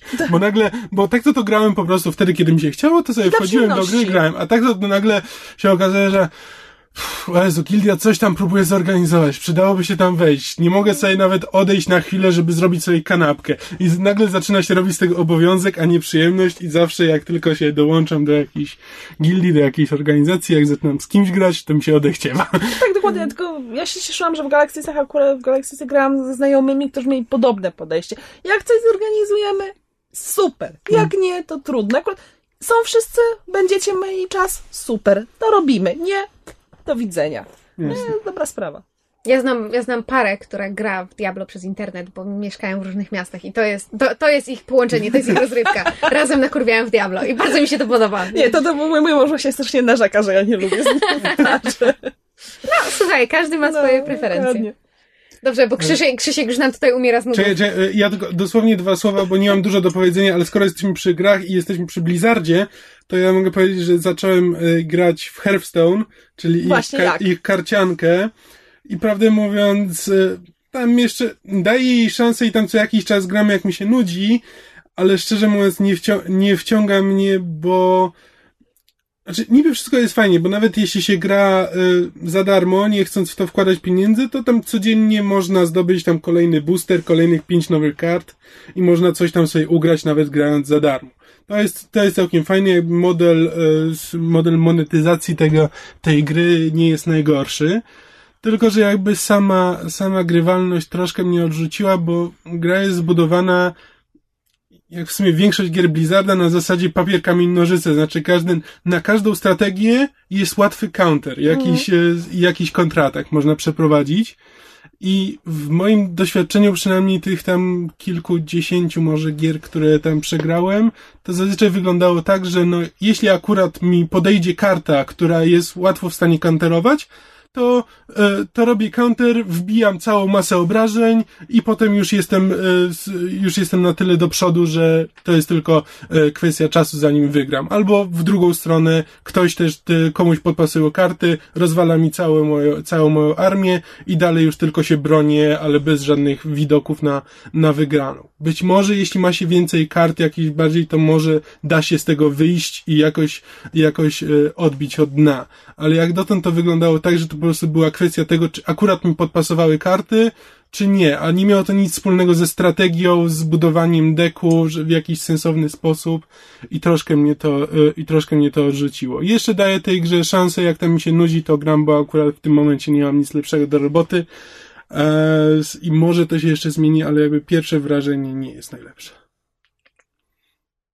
No dobrze, to chyba tyle, jeśli chodzi o gry, to wyczerpaliśmy temat Teraz kompletnie. Krzysiek o komisiach. Okej. Komiś, komiś. Gumiś? Dobra.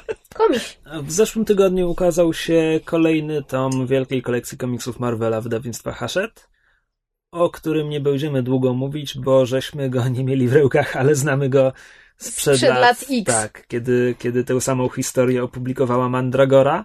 Mowa o komiksie Wolverine Geneza w tym wydaniu. Mandragora to chyba wydała jako Wolverine początek. Nie, Origin chyba. Po Aha, po prostu. Tak. Nie, przed, nie przetłumaczyli tytułu. No tak. No to zgaduję, że Hachette się wstrzela, w- żeby bardziej filmowo było za jakieś grzechy, bo to taki dobry film był. A Dowcipny dzisiaj tak, jesteś. zdarza mi się. No dobra. e, Wolverine Origin to jest komik ze scenariuszem Paula Jenkinsa i rysunkami jednego z masy Kubertów, Andiego Kuberta. Andy Kubert ma brata, a obaj mieli jeszcze ojca, który też był bardzo znanym rysownikiem. I jest to historia, to jest historia, która po raz pierwszy przedstawiła prawdziwą przeszłość bohatera znanego jako Wolverine. I w The tym- artist formerly known as. tak, i w, i w tym przedstawianiu cofnęła się chyba dalej niż czytelnicy się spodziewali w tamtym okresie, bo komiks rozgrywa się jakoś pod koniec XIX wieku, czy na początku XX, chyba jeszcze, chyba jeszcze XIX. Chyba koniec XIX. No, Koniec mi się XIX wieku, gdzieś w Kanadzie, w Albercie bodajże. Tyle wiem o geografii Kanady, że to i tak nic mi nie mówi. Jeszcze Vancouver. więc jeśli to nie jest w Albercie, to gdzieś poza Alberto to jest twoja znajomość Kanady. Nie, to jest jeszcze Toronto i Vancouver. Tak, gdzie zaczynamy od tego, że obserwujemy życie w rodzinnej rezydencji bogatej, bez mała arystokratycznej rodzinie Howletów. Państwo Howletowie mają małego, chorowitego synka Jamesa i na włościach urzęduje jeszcze wredny ogrodnik z bokobrodami imieniem Logan, który ma syna, którego bije i poniża i nazywa psem. Ja pamiętam, że kiedy czytałem to po raz pierwszy, te mnóstwo lat temu, to byłem tak wkręcony na zasadzie, zaraz, który z nich to właściwie będzie Wolverine? Mm. Ja nie, nie wiem, czy jakbym czytał to teraz po raz drugi, to znaczy, abstrahując od tego, że oczywiście znam odpowiedź, nawet nie wiem, nawet nie wiem, czy to ja się dałem tak łatwo wkręcić, czy ten komiks jest tak skonstruowany, żeby te, żeby to pytanie tam było. To znaczy, on jest skonstruowany tak, żeby pytanie tam było. Ja się nie dałam na to nabrać, ale dobrze to było zrobione z tego, co pamiętam te x lat temu, co czytałam. To, to rzeczywiście fajnie to było rozegrane. No dobra, no to zakładając, że tak jest, to może nie będziemy zdradzać tej odpowiedzi. Nie zdradzajmy. nie zdradzajmy. E, kto tam jeszcze jest? E, a, no jest jeszcze rudowłosa guwernantka, która opiekuje się tym chorowitym synkiem dwójki bogatych Kanadyjczyków, e, która to guwernantka wpada też w oko temu psu, który nie jest znany z, z imienia. No a potem oczywiście musi być tragedia, bo raz, że to komiks o Wolverine, dwa, że to komiks o mutantach, Trzy, że to komiks. tak, Marvela. Tak. Więc jest tragedia, jest ucieczka, jest próba przystosowania się do życia e, w, innych, w innych warunkach. Jest praca w kopalni i w ogóle telenowela się z tego potem robi. E, I co by o tym powiedzieć? No Potem są jeszcze przeskoki czasowe. tak, tak, tam chyba spokojnie jakieś 5 lat mija. No tam w ogóle historia chyba skacze w, w, Dosyć do, do przodu dużymi skokami, nie? nie, nie, nie, bez Przez te wszystkie tomy? Naprawdę? Ja miałam wrażenie... Dobra, to może być spoiler, ja nie wiem, czy ja dobrze pamiętam, ale czy tam się pod koniec Striker nie pojawia? Nie. Nie? Mi się z Nie. filmem pojawiało. I to bardzo. No. To znaczy, że muszę znowu przeczytać. Nie, nie, no pod, pod koniec po prostu e, bohater jeszcze nie nazywany Wolverinem jest dorosłym mężczyzną, tak? Aha. Ale, Wyraźnie muszę wrócić.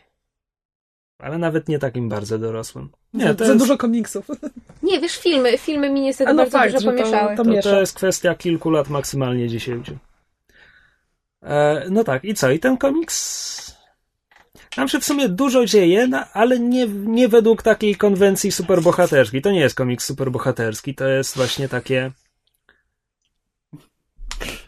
Właśnie w sumie taki dramat, gdzie tam się też trochę biją. Tak. Chyba tak bym Jeszcze to nazwał. kostiumowe po części. O tak, bardzo kostiumowy. E, Andy Kubert e, rysował również 1602 Nila Gaimana, który to komiks był wydany w Polsce lata temu przez Egmont, czyli tę historię, gdzie bohaterowie Marvela pojawiają się na początku XVII wieku w Anglii. E, Bardzo zacne to było. Pierwsze słyszę. Pierwsze słyszysz? Ej, muszę, muszę ci pożyczyć. Musisz mi pożyczyć. A Kiedyś poza tym czytałem. muszę kiedyś opowiedzieć tutaj. E, I Kuber ma taki bardzo, bardzo, nawet nie wiem jak to nazwać, no taki ładny styl. Tak, to jest- Ładne są są ładne te jego rysunki. postacie. Biorąc pod uwagę, że, że ja zazwyczaj krytykuję wszelkiego rodzaju komiksy, bo mi się nie podoba kreska, to tutaj rzeczywiście e, kreska była bardzo fajna. I przejrzysta, ale też artystyczna. Bardzo wszystko to fajnie pasowało, pasowało do opowiadanej historii. Tak, no jest to jest na pewno, na pewno ciekawy tom. Jakiś bardzo przełomowy nie jest, no Nie, może myślę, poza że- tym, że pokazał tę No właśnie, historię Wolverina. Myślę, że warto jednak mieć. Tak, tak, no nawet, nawet dla samych rysunków Mhm. w sumie warto. Dobra, to chyba wystarczy tego wspominania o komiksie, który przeczytaliśmy 10 lat temu i już go nie pamiętamy. Teraz powiadaj nam o komiksie, który dopiero niedawno przeczytałeś i o którym wszystko pamiętasz. A my E, nie wiemy nic. Tak, to jest seria e, wydawnictwa Image dla odmiany, która ruszyła dopiero co w zeszłym roku. Na razie ukazało się słownie 7 zeszytów. Jedno wydanie zbiorcze zawierające pierwsze pięć. Jest to Lazarus. Lazarus ze scenariuszem Grega Raki i rysunkami Michaela Larka. E, Ci dwaj panowie wcześniej pracowali wspólnie dla DC przy bardzo fajnej serii Gotham Central. Dobra, ale o nich to może, może trochę więcej na koniec. Natomiast o czym jest Lazarus? Lazarus rozgrywa się w niezbyt dalekiej przyszłości. Nie pamiętam dokładnie który rok, ale tam powiedzmy, że kilkanaście lat do przodu. Może jakieś małe kilkadziesiąt. I to jest świ- świat, w którym kapitalizm, rozpasany kapitalizm zrujnował świat do tego stopnia, że społeczeństwo nie dzieli się na 99% i 1%, tylko 99, przecinek mnóstwo dziewiątek i 0, przecinek mnóstwo zer i 1%. Co doprowadziło do odrodzenia się feudalizmu, takiego bardzo skrajnego. Znaczy są te rodziny, rodziny panujące, z których każda ma jakieś swoje dominium, terytorium, nad którym niepodzielnie rządzi. Mają kilkanaście tysięcy, powiedzmy, wasali, a cała reszta społeczeństwa to jest określana mianem waste. Po prostu, po prostu ich nie obchodzą. Tam chyba jeszcze ściągają podatki, przynajmniej z tych, którzy gospodarują na ziemi, ale to wszystko. E, I główna bohaterka nazywa się Forever Carlyle. Należy do panującej rodziny Carlyle'ów. Carlyle'owie rządzą sporym kawałkiem Stanów Zjednoczonych, przynajmniej od od Denver po Los Angeles, może coś więcej jeszcze. I główna bohaterka jest tytułowym Lazarusem. Tutaj w komiksie, który stara się być jak najbardziej realistycznym science fiction, to jest z jednej strony najbardziej niewiarygodny element, bo Lazarusowie to są najlepiej wyszkoleni żołnierze, do, doładowani najbardziej zaawansowaną biotechnologią, która pozwala im przeżyć prawie wszystko. Do tego stopnia, że każdy z nich e, ma na podorędziu miecz, gdyby miał się zmierzyć w walce z innym Lazarusem, bo dekapitacja to jest najpewniejszy sposób. Może zostać tylko jeden? Gdzieś to już widzieliśmy, tak. Natomiast są w stanie się podnieść po, po oberwaniu pięcioma kulkami w klatę i tak dalej. Więc z jednej strony to jest najbardziej niewiarygodne, bo naj, to jest najbardziej science fiction, chociaż też jakoś tam podbudowane obecną nauką. A z drugiej strony to jest najbardziej niewiarygodne, bo właściwie czemu każda z tych rodzin ma tylko jednego takiego Lazarusa? To pytanie jeszcze w komiksie nie padło. Możliwe, że padnie. Akcja tak naprawdę rozwija się dość powoli. Poznajemy tę bohaterkę, dość szybko poznajemy jej pierwsze wątpliwości. Jest tam zarys szerszej intrygi, konflikt rodziny Carlyle'ów z inną graniczącą rodziną, plus intrygi w ramach samej rodziny Carlyle'ów. Na razie nie wiadomo, dokąd to yy, dąży. Mówię, ukazało się tylko 7 zeszytów. Mm, ta akcja nie, nie rozwija się jakoś bardzo szybko, ale jest bardzo wciągająca. To są bardzo fajnie zarysowane postaci w przenośni i dosłownie, bo rysunki Michaela Larka są fantastyczne. On fenomenalnie, fenomenalnie oddaje nastrój scen, e, ma świetną rękę do, do mimiki bohaterów. E, tak, i bardzo, bardzo sobie cenię jego rysunki. I ta seria najbardziej mnie przekonała właśnie tym klimatem. Tym podejściem, żeby pokazać taki świat, który, umówmy się, nie jest jakiś bardzo oryginalny. Znaczy na zasadzie, że no, feudalizm w przyszłości gdzieś to już widzieliśmy. Może nie jest to Duna, ale jakby było. Mm. Ale jest to bardzo fajnie przedstawione. To, że ta akcja rozwija się tak w miarę pomału, to też w sumie jest zaleta, bo dzięki temu możemy lepiej poznać ten świat, zanim tam gdzieś ruszymy galopem w fabułę. I bardzo mi się to podoba. I na pewno będę ją śledził. Wystartowała w zeszłym roku, więc łatwo nadrobić zaległości. Tylko 7 zeszytów, zdecydowanie polecam.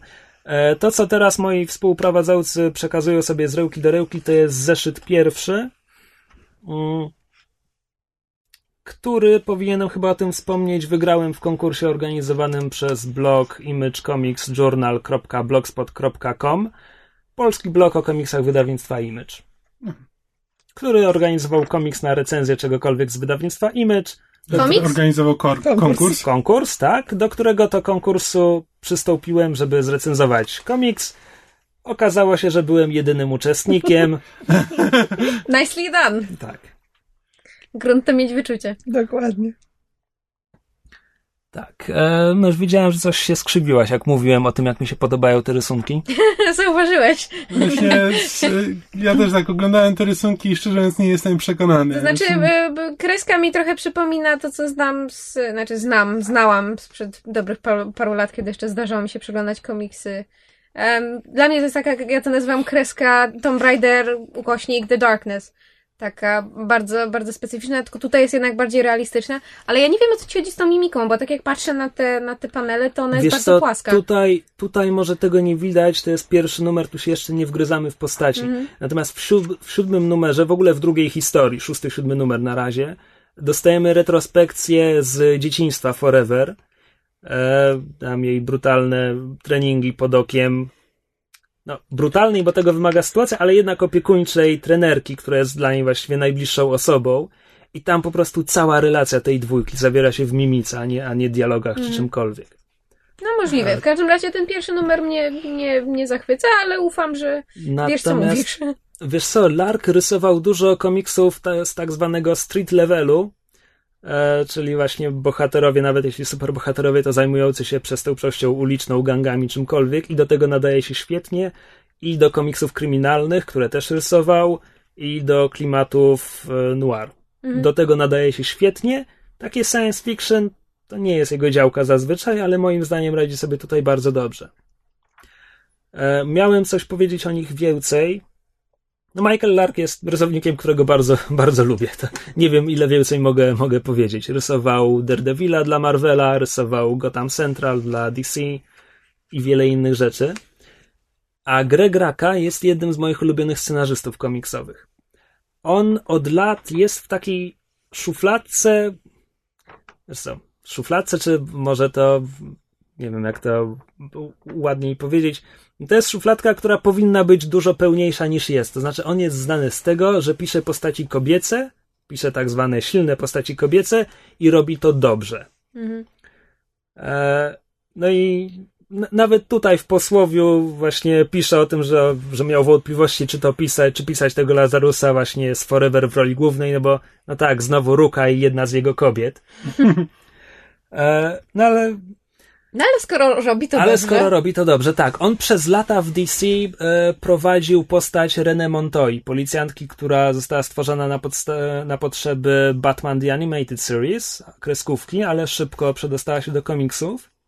Ruka był jednym ze scenarzystów piszących No Man's Land. To było wydarzenie w komiksach o Batmanie, które rozlało się, nie wiem, przynajmniej przez rok. To był obowiązujący status quo, że Gotham zostało spustoszone przez trzęsienie ziemi i rząd amerykański stwierdził, ewakuujcie się, jak się nie, nie ewakuujecie, to jesteście skazani na siebie. Po czym odgrodził go tam e, płotem i polem minowym i czymś tam. Pewne wątki z tego Nolan wziął do Dark Knight Rises. No właśnie chciałam powiedzieć, że mm, brzmi znajomo i jednocześnie bez sensu. Zupełnie. E, I to była. To, ja bardzo lubię tę historię. Tam Gotham zostaje podzielony na terytoria.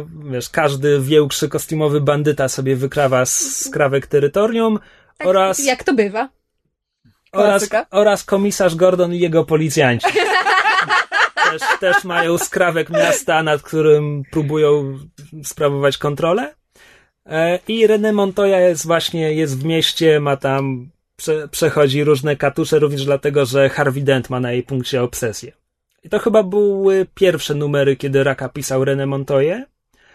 A potem René Montoya zostaje e, jedną z głównych bohaterek serii Gotham Central. Gotham Central to jest jedna z moich najbardziej, absolutnie najulubieńszych serii DC i komiksowych w ogóle. To jest serial o posterunku policji w Gotham e, z Wydziału do Spraw związanych z kostiumowymi przestępcami. I to są policjanci, którzy są niesamowicie sfrustrowani, bo raz, że wszyscy policjanci w Gotham żyją w cieniu nietoperza, dwa, nie cierpią tego, z drugiej strony wiedzą, że bez niego tak naprawdę zazwyczaj nie mają szans w starciu z większością tych ludzi. I to była seria, którą Raka pisał wspólnie z Edem Brubakerem, czy Brubakerem, jeśli bardzo chcesz. Tak, chcę. E, I pisali ją na przemian, chyba na tej zasadzie, że jeden z nich pisał nocną zmianę tego posterunku, a drugi dzienną. Ładne. E, i właśnie tam René Montoya była jedną z głównych bohaterek. Ta seria miała 40 parę zeszytów bodajże. Gotham Central. Gotham Central, tak. Tylko ze dwa razy jest uwiązana w jakieś crossovery, co oczywiście jest kompletnie niepotrzebne, e, więc po prostu trzeba przecierpieć jeden czy dwa takie zeszyty, gdzie właściwie nie masz kontekstu, po prostu w pewnym momencie niebo się pali. Okej. Okay. Bo crossover.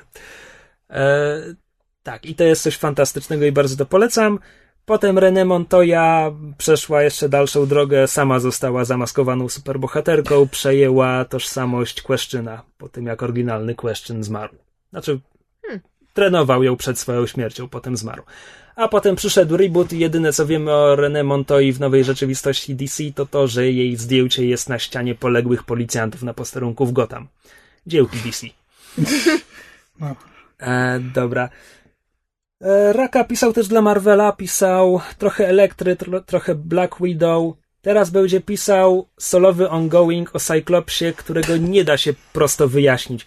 Od kilku lat, od roku, dwóch, e, w Marvelu jest dwóch Cyclopsów. Ponieważ oryginalny Cyclops, nastoletni Cyclops, który dopiero co zaczął być X-Menem, został ściągnięty do teraźniejszości razem ze swoimi przyjaciółmi, Icemanem, Marvel Girl Beast i, i Angelem i oni wciąż siedzą w teraźniejszości. A teraz on powiedział, bawcie się. Ja właśnie się dowiedziałem, że mój tata y, żyje i jest kosmicznym piratem i idę z nim bujać w kosmosie. Czyli Cyclops po raz pierwszy w życiu pokazał, że ma cztery, no wiadomo. E, nie, nie, on to dorosły Cyclops od paru lat to w komiksach Marvela pokazuje. Natomiast tak, nastoletni Cyclops będzie się bujał ze swoim tatą po kosmosie teraz w swojej własnej serii i będzie to pisał Greg Raka. I szczerze mówiąc, brzmi to coś, brzmi to jak coś kompletnie spoza jego typowego poletka. Jestem tego bardzo ciekaw. I Raka pisał parę lat temu serię o Punisherze, która nazywała się po prostu Punisher Volume nie wiem który, Punisher Grega Raki. To było 16 zeszytów i miniseria domykająca pewne wątki. I to było fantastyczne. Tak jak ja nie cierpię Punishera, znaczy nie cierpię, wisi mi Punisher. To było fantastyczne, bo Punisher był w tle. Punisher był siłą natury, która po prostu jak walec przejeżdża po przestępcach. Nie było żadnej jego narracji, nie było, wiesz, wejrzenia w to, jaki to jest ten złamany człowiek i w ogóle on po prostu, on po prostu robi to, co swoje, a komentowanie tego, jakby rozwijanie fabuły spoczywało na, na drugim planie, na policjantach, którzy go ścigają, policjance, która, tfu, e, dziennikarce, która próbuje opisać, co się z nim dzieje i kobiecie, byłej żołnierz, która na swoim ślubie traci męża, bo tam mafia ich ostrzeliwuje. Jeśli to brzmi trochę jak Origin Punishera, nie bez powodu. E, I to było świetne. Co więcej, Raka trochę, trochę wchodził w dialog e, z siedem Finchera w tym komiksie. Na zasadzie, że policjanci, dwaj główni policjanci, wizualnie to są dokładnie postaci Brada Pitta i Morgana Freemana z tamtego filmu. E, no to była, to była bardzo fajna seria. Zdecydowanie to polecam. Raka ukazywał się też w Polsce trochę. Były dwa tomy jego, jego kryminału rozgrywającego się na biegunie. Whiteout zamieć, Whiteout odwilż.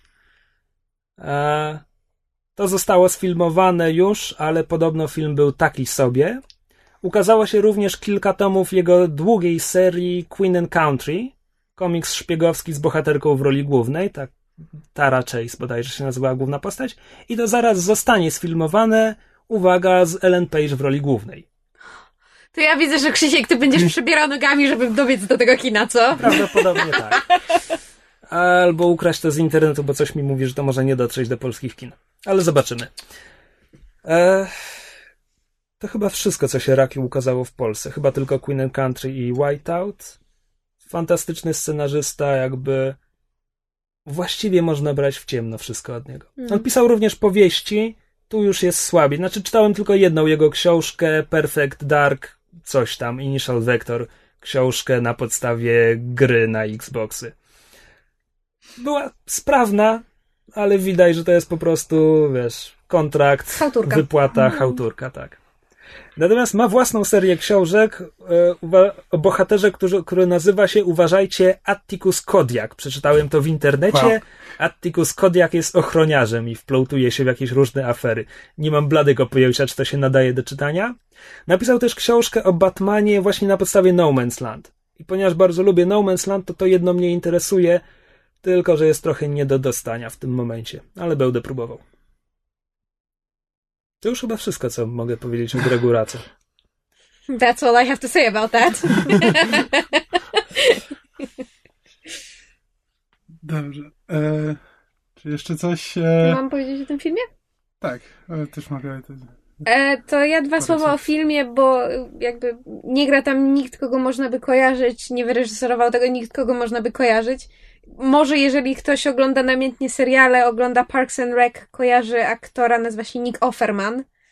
Em, bardzo specyficzny aktor komediowy. E, obecnie e, jakby jego kariera nabiera rozpędu i rośnie w e, popularności. Ale film mnie zainteresował dlatego, że ma bardzo nietypowy zarys fabularny. Mianowicie. Przepraszam, czy ty już podałaś tytuł filmu, a ja go nie usłyszałem? Oczywiście, że nie, bo ja mam bardzo specyficzny sposób opowiadania o filmach, kiedy mówię wszystko oprócz najważniejszej informacji. Film nosi tytuł Date and Switch. E, nie wiem, jaka jest polska wersja, na pewno idiotyczna. E, film chyba jeszcze nie wyszedł na polskim rynku w każdym razie. E, I film ma bardzo specyficzny jakby zarys fabularny. Jest to film z gatunku e, teenage sex comedy, czyli tego, co mysz kocha, miłością ogromną i nieuzasadnioną, wszelkiego typu American Pie i tak dalej.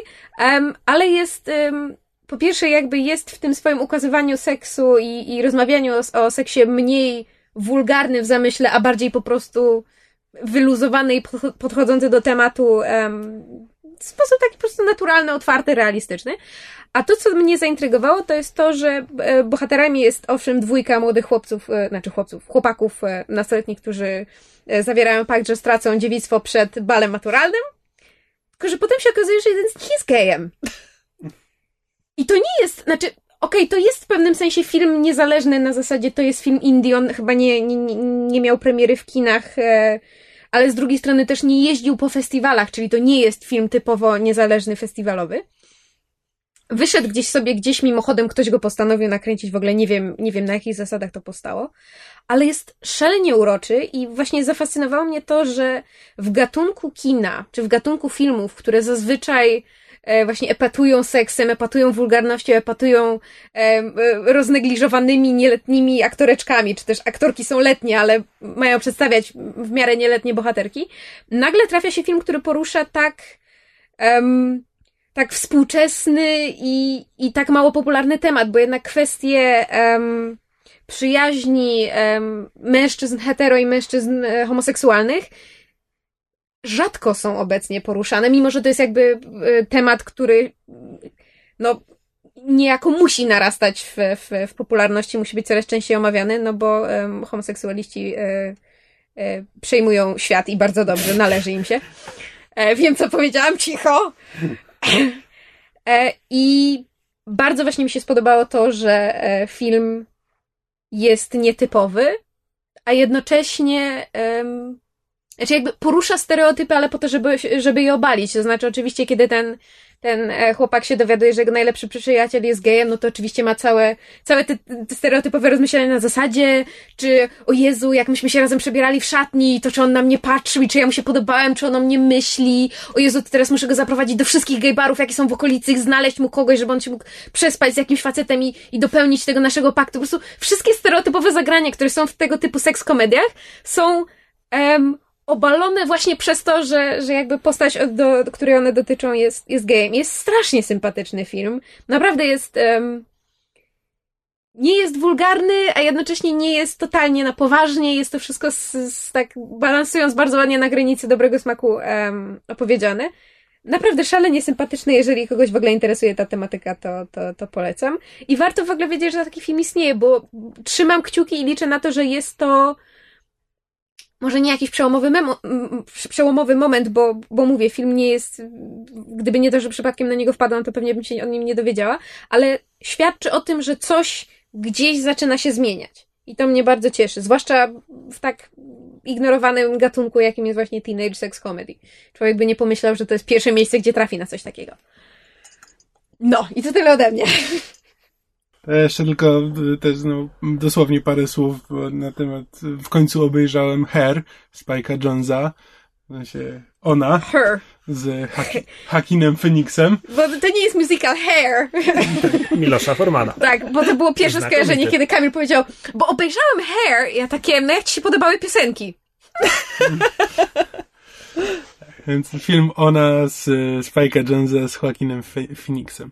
I głosem Scarlett Johansson. I głosem Scarlett Johansson. No i co, no ja mogę się dołączyć tylko do peanów na temat tego filmu, bo jeszcze nie spotkałem osoby, której by się nie podobał. Rzeczywiście, rzeczywiście jest prześliczny i to jak opowiada o miłości w sposób, który nie jest pompatyczny i nie wiadomo jaki rzeczywiście e, wydaje się prawdziwy. Mimo, że jakby cały ten związek e, wydaje się dość nienaturalny, ale, ale jest pięknie, pięknie przedstawiony. E, to też jeszcze to, to, co mi się najbardziej podobało, to, że to jest jeden z na, jed, jedno z najfajniejszych przedstawień nerda w popkulturze. Bo postać Joaquin, postać Phoenixa jest, e, jest właśnie fantastycznie przedstawiona, że to wreszcie, to rzeczywiście, to jest nerd, nie da się zaprzeczyć, że to jest nerd, ale też nie jest typowo antysocjalny, e, niezręczny w sytuacjach społecznych, tylko że normalnie sobie żyje jak człowiek nawet jest w stanie zdobyć normalną dziewczynę, e, jeśli, jeśli chce. I to nie jest tak, że po prostu, no, tak zakołał się w komputerze, bo żadna inna normalna kobieta by go nie chciała, tylko rzeczywiście jest przedstawiony z, ciepło, z, z sympatią. Znaczy to jest w ogóle film, jako... który jest na wskroś sympatyczny. Tam po tak, prostu... I, i, to, I to mi się bardzo podobało, bo tego typu przedstawień nerdów to naprawdę nie ma i to nawet właśnie, nawet w, w, w serialach, filmach, które są im poświęcone na typu The Big Bang Theory. Czy, tego typu rzeczy. Więc to, to, mi się, to mi się bardzo podobało, poza tym, że film jest przecudowny i śliczny i Mm. e, tak, pełen, Ja się, ja się ciepła. śmieję, że dla mnie Her to jest jeden z najlepszych science fiction, jakie widziałam ostatnimi No laty, tak. bo to jest bardzo realistycznie i prawdopodobnie pokazane tak zwane near future, future czyli za te 5, mm, 10 lat i człowiek na to patrzy i z jednej strony jest wow, ale to jest od czapy, a z drugiej strony to jest dokładnie ten kierunek, w którym my idziemy i gdzie to się skończy. To znaczy może nie kropka w kropkę, ale jakby Tak, ale jest, w każdej jest decyzji- znajomy, tak, ale w też... każdej decyzji, którą Jones podjął, kreując świat tego filmu, widać, jak szły jego, jakby jego, jego sposób myślenia, tory myślowe, którymi, którymi podążał, więc ja jestem absolutnie zakochana w tym filmie, złego słowa o nim nie dam powiedzieć. Mm. I to chyba tyle dzisiaj. Ja jeszcze mam króciutki epilog. O Chryste Panie! 15 sekund o Gregu Race, bo sobie przypomniałem, on może nie był głównym twórcą, nie pamiętam czy był, ale na pewno przyłożył rękę do debiutu nowej Batwoman DC. Tej lesbijki. E, Żydówki lesbijki, tak. E, ró- ró- Cyklistki przy okazji. również byłej kochanki Reny Montoyi. A, widzisz. właśnie. E, W bardzo fajnej historii Batwoman dwukropek Elegy. Jakby ktoś szukał czegoś. Z niesamowitymi ilustracjami faceta o trudnym nazwisku. Frank Williams III? Frank Junior? Will... Nie pamiętam. Coś tam, coś tam. Trzeci. Ba Batwoman Elegy, tak. Batwoman Elegy. Warto. I teraz to już naprawdę wszystko. Coś ma jeszcze Bye! do dodania? Żegnajcie. Bye! E, dziękujemy Kati za obecność. Tak, i, A ja dziękuję za zaproszenie. tak, i teraz wszystkich słuchaczy wysyłamy na Star Wars, e, Star Wars Extreme. swmyślnikextreme.com Dokładnie. Co dwa tygodnie pojawiają się moje felietony zupełnie niezwiązane ze Star Warsami. Też można sobie poczytać. Bye! I co, jeszcze przez tydzień czekamy na zgłoszenia w konkursie? No, do piątku. Do piątku. To teraz już naprawdę wszystko. Chyba. Być może. A może jednak. Bye! Nie potrafimy kończyć tego podcastu, nie. Zaczynać, po roku. te, zaczynać, po roku wciąż. zaczynać też nie zawsze potrafimy. stąd! Słuchaliście podcastu Myszmasz. Możecie nas znaleźć na myszmasz.pl lub polubić nasz fanpage na Facebooku. Możecie nam także wysłać maila na myszmaszpodcast.gmail.com Jeśli do nas napiszecie, będziemy szczęśliwi jak chaotyczny kangur.